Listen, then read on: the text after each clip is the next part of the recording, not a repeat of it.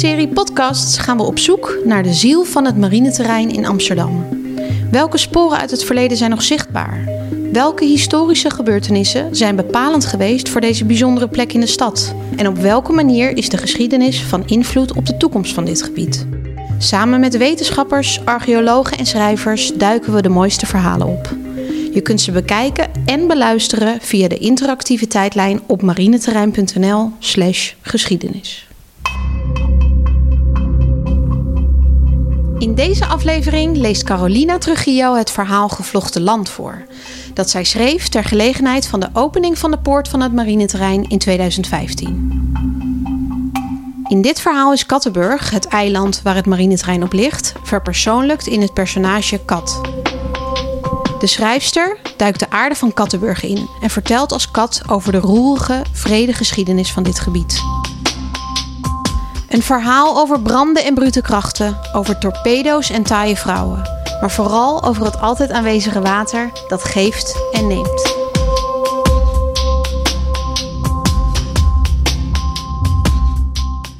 Ze noemen mij Kat en dat is niet van Kattenburg.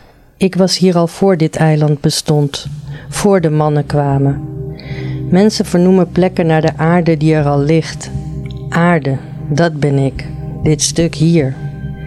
Meestal lag ik in het water van het ei. Ik lag halve in hem en hij in mij.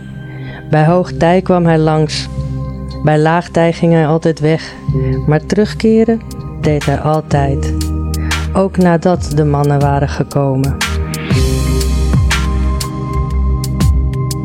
Ze voeren langs mijn grenzen, mannen in bootjes die ze van bomen maakten. Ik kende bomen, uitzuigers, lichtpikkers. Mannen hakten ze om. Daarom dacht ik dat ze goed waren. Ze kwamen met meer, bleven langer en bouwden terpen om hun hutten op te trekken en elke keer moesten ze het weer voor het water op een lopen zetten. Als het ei er een te pakken kreeg, gaf hij hem aan mij. Hij kon ze allemaal hebben. Ze sleepten met hout, touwen en lappen, maakten dammen om het water tegen te houden en toen ze begrepen dat water zich door dat beetje rommel niet tegen laat houden, leidden ze het om, met hun greppels en hun sloten, van water droog te maken. Mensen die zich aan godentaken wagen, worden altijd vermalen. Wij hielden ons niet met hen bezig. Wij hadden elkaar en we hadden het niet in de gaten dat die meuk van dammen en sluizen ons uiteindelijk zou scheiden. Toen we dat begrepen, was het al te laat. De mannen kwamen overal vandaan, over land en over water, sloebers in lompen die roken alsof ze zich nooit gewassen hadden. Ze kwamen met hun gevlochten manden en hun koeien en hun paarden. Ze sloegen palen in de rivierbodem zodat ze hun boten konden vastmaken. Ze bouwden steigers en hutten die steeds werden weggeslagen door de wind en door het water, maar ze bleven terugkomen en rotzooi bouwen. Ze verzopen bij bosjes. Als ze kopje ondergingen, ademden ze dezelfde angst, of het nu mannen waren, of kinderen, of paarden. Er kwamen mannen met bouwplannen. Ze sloegen duizend heipalen in de grond om een magazijn te bouwen waarin ze hout en touw konden opslaan om nog meer schepen te bouwen. Ik schreeuwde naar het ei, maar hij kon me niet horen. Nu is het magazijn een museum dat op zijn eigen eilandje staat, al is het niet helemaal hetzelfde gebouw omdat ik het een keer in de as legde en ze het zelf een keer in elkaar lieten mieteren.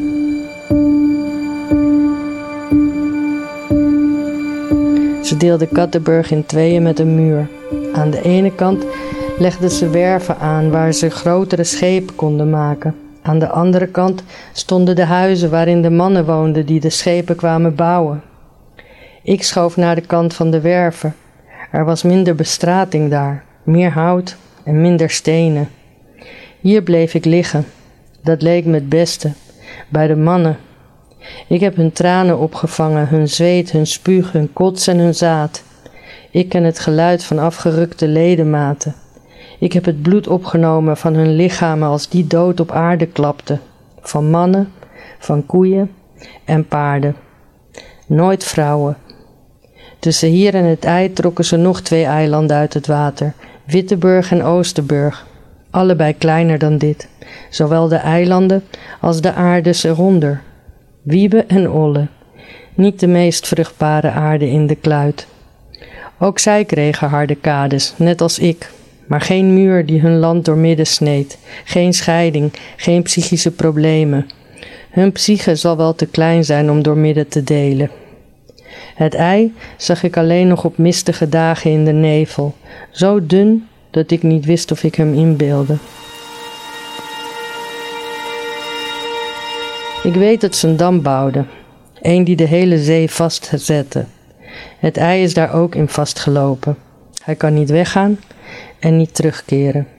Als hij al terugkomt, zei Wiebe, zal hij me niet herkennen. Alsof geliefden elkaar herkennen aan de uiterlijkheden.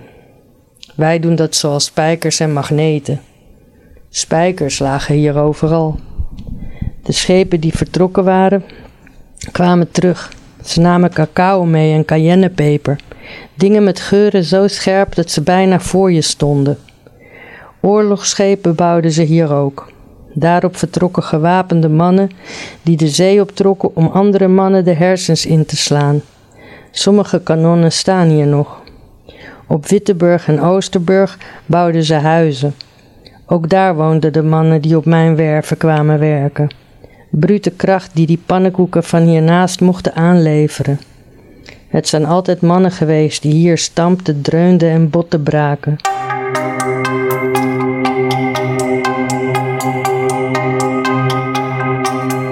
Ik weet dat ze een dam bouwden, een die de hele zee vastzette. Het ei is daar ook in vastgelopen. Hij kan niet weggaan en niet terugkeren. Als hij al terugkomt, zei Wiebe, zal hij me niet herkennen. Alsof geliefden elkaar herkennen aan de uiterlijkheden. Wij doen dat zoals spijkers en magneten. Spijkers lagen hier overal. De schepen die vertrokken waren, kwamen terug. Ze namen cacao mee en cayennepeper. Dingen met geuren zo scherp dat ze bijna voor je stonden. Oorlogsschepen bouwden ze hier ook. Daarop vertrokken gewapende mannen die de zee optrokken om andere mannen de hersens in te slaan. Sommige kanonnen staan hier nog. Op Witteburg en Oosterburg bouwden ze huizen. Ook daar woonden de mannen die op mijn werven kwamen werken. Brute kracht die die pannenkoeken van hiernaast mochten aanleveren. Het zijn altijd mannen geweest die hier stampten, dreunden en botten braken.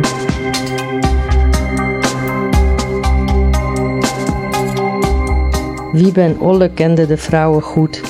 Dat zeiden ze. En dan lachten ze als lomperikken in een magazijn. Ze vinden het raar dat ik er ook een ben. Ik ben hier al veel langer dan zij.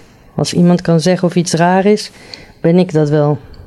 Dat mannen hier een keertje een ventje met touwen aan paarden vastmaakten en hem in tweeën scheurden. Dat was raar. Raar was dat ze gezonde mensen helemaal kapot sloegen met zwepen en stokken en dingen ontwikkelden om elkaar pijn te doen. Raar was ook die keer dat een zwakzinnige knecht hier een toeval kreeg en op handen en voeten rond begon te kruipen.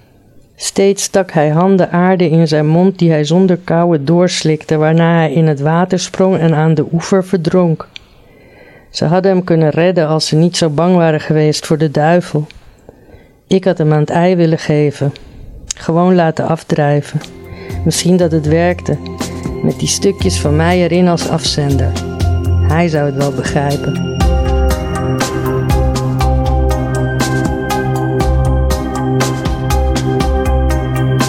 De stad groeide alle kanten op.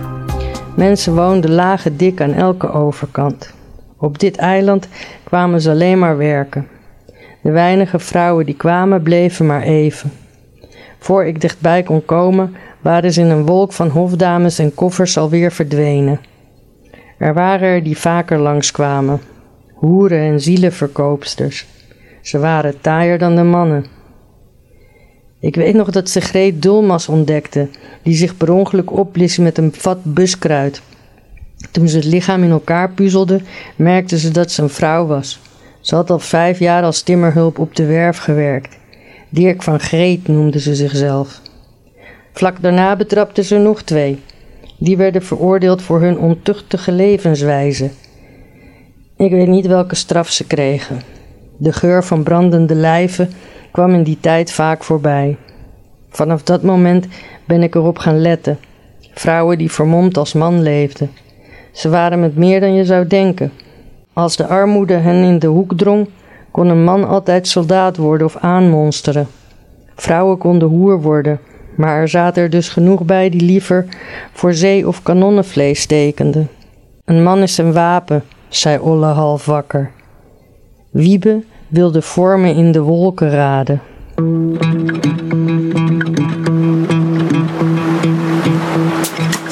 Nu zou ik elke verklede vrouw meteen doorhebben. Vrouwen ruiken anders, ook als ze mannenkleren dragen, zelfs als die schoon zijn. Ik bleef bij ze in de buurt. Ik wilde weten hoe ze waren. Een paar keer probeerde ik er een te pakken. Maar een vrouw die bereid is als man te leven is sterk. En als ze niet sterk is, is ze slim. Of beide. Of ze had een man die zoveel van haar hield dat hij haar meenam waar hij ook ging. Ik weet nog dat twee geliefden elkaar bij de poort kusten. De warmte trok door mij heen als een scheur. Ik miste het ei al zo lang dat niet hij maar heimwee mijn wederhelft was. De hele werf legde ik in de as. Ik moest geduld hebben, zeiden die bellenblazers naast mij. Uiteindelijk zou het water terugkomen en daarmee mijn ei. Vroeg of laat moest de mens zichzelf uitroeien. Geen soort deed zichzelf zo toegewijd pijn.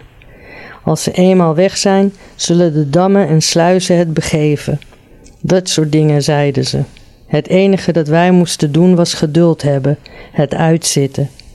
In twee jaar hadden ze de hele werf weer herbouwd. Mannen. Konden ze weer schepen bouwen om elkaar op zee af te maken. Zo beschouwd heb ik meer weduwen gemaakt dan al die kerels hier bij elkaar.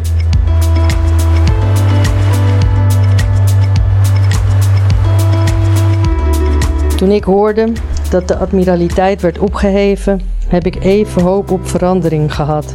Maar dat was voor niets. De marine kwam. Weer alleen kerels. En de muur bleef. Inslapen, uitzitten. Toen ze die baan ophoogden waar de trein overheen gaat, kon ik het helemaal vergeten. Ik kon het ei alleen nog op mistige dagen in de nevel voelen. Hij is er nog, zei Wiebe. Maar Olle zei dat ze nog meer eilanden uit het water hadden getrokken. Eén daarvan was zo groot dat wij er allemaal in pasten. Wiebe wil mij sinds die brand geen slecht nieuws meer brengen. Hij komt wel terug, zei hij. Het deel van mij dat hem gelooft, haat ik. Militairen zijn moeilijker kapot te krijgen dan gewone mensen. Met hun zware schoenen en hun ijzeren neuzen, hun gespierde discipline, hun overtuiging. Sinds zij hier zijn, moet ik me troosten met het strelen van de munitie die hier klaar ligt, opdat ze het later in anderen kunnen laten regenen. Veel slapen, veel uitzitten. Ik weet nog dat ik wakker werd en dat ze met ijzer werkten, met lasapparaten en enorme krachten en machines die stoomden en knetterden. Ze konden tonnen gewicht heffen met metalen kranen en slaagden er steeds weer in zichzelf van alles aan te doen met hun eigen gereedschap. Ze verzopen, werden verpletterd, ademden gif in, verloren hun jeugd en ledematen. En altijd was ik er om ze op te vangen. Soms met liefde, soms met haat, soms half bewusteloos in mijn slaap. Ik had van hen het ei gemaakt. Eén keer werd ik wakker toen ze een torpedo afschoten. Terwijl ik sliep en uitzat, hadden ze een inschietplaats gemaakt. Olle vond dat dat aantoonde dat ik geen vrouw was. Wiebe gaf geen mening. Ik heb geen woorden vuil gemaakt. Juist omdat ik een torpedo kon verwerken, was ik meer dan wat dan ook een vrouw. Nu is die inschietplaats weg. Ze hadden weer wat te bouwen: een tunnel. Dus nu mocht daar weer water stromen. Stelletje gekken.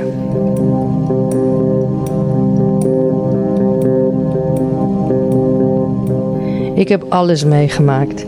De stank van de looierijen, het zieke water, de open riolen en de filters die ze nu hebben. De drenkelingen, de verzwaarde tassen met ledematen en de grachtenparade in de verte. Dan zie je mannen die zich als vrouwen verkleden alle werven zijn verhuisd. naar Den Helder, Hoorn, Rotterdam. Mannen komen tegenwoordig ook uit de lucht vallen. De meeste zijn soldaten, marinemensen, afgetrainde lichamen en sterke geesten, die zich niet zomaar van een ladder laten trekken. Ze lieten zelfs vrouwen het terrein opkomen. Echt bedoel ik, om hier te zijn en te werken en te blijven. Marinevrouwen, Marva's. Ik heb geprobeerd ze onderuit te halen, maar ze zijn net zo sterk als hun schoenen met metalen neuzen. Het ei komt nooit meer terug, zei Olle laatst. Binnenkort plempen ze hem. Wiebe schrok wakker. De Marva's slapen soms met de mannen. Zij kunnen ook hun zweet en hun tranen en hun zaad opvangen, maar ze kunnen ze ook strelen en vasthouden en met hen lachen en praten en vermengen zoals het ei en ik deden. Ik kijk toe en probeer me tevreden te stellen met de restjes. Kort geleden zat hier een vrouw die langer bleef. Ze was slank en zwart en ze liep op blote voeten, maar ze was net zo sterk als dat ze er fragiel uitzag. Ayaan. Vrouwen zoals zij hadden geen mannen nodig. Ze moest beschermd worden tegen het tuig dat haar wilde kwetsen. Mensen veranderen weinig.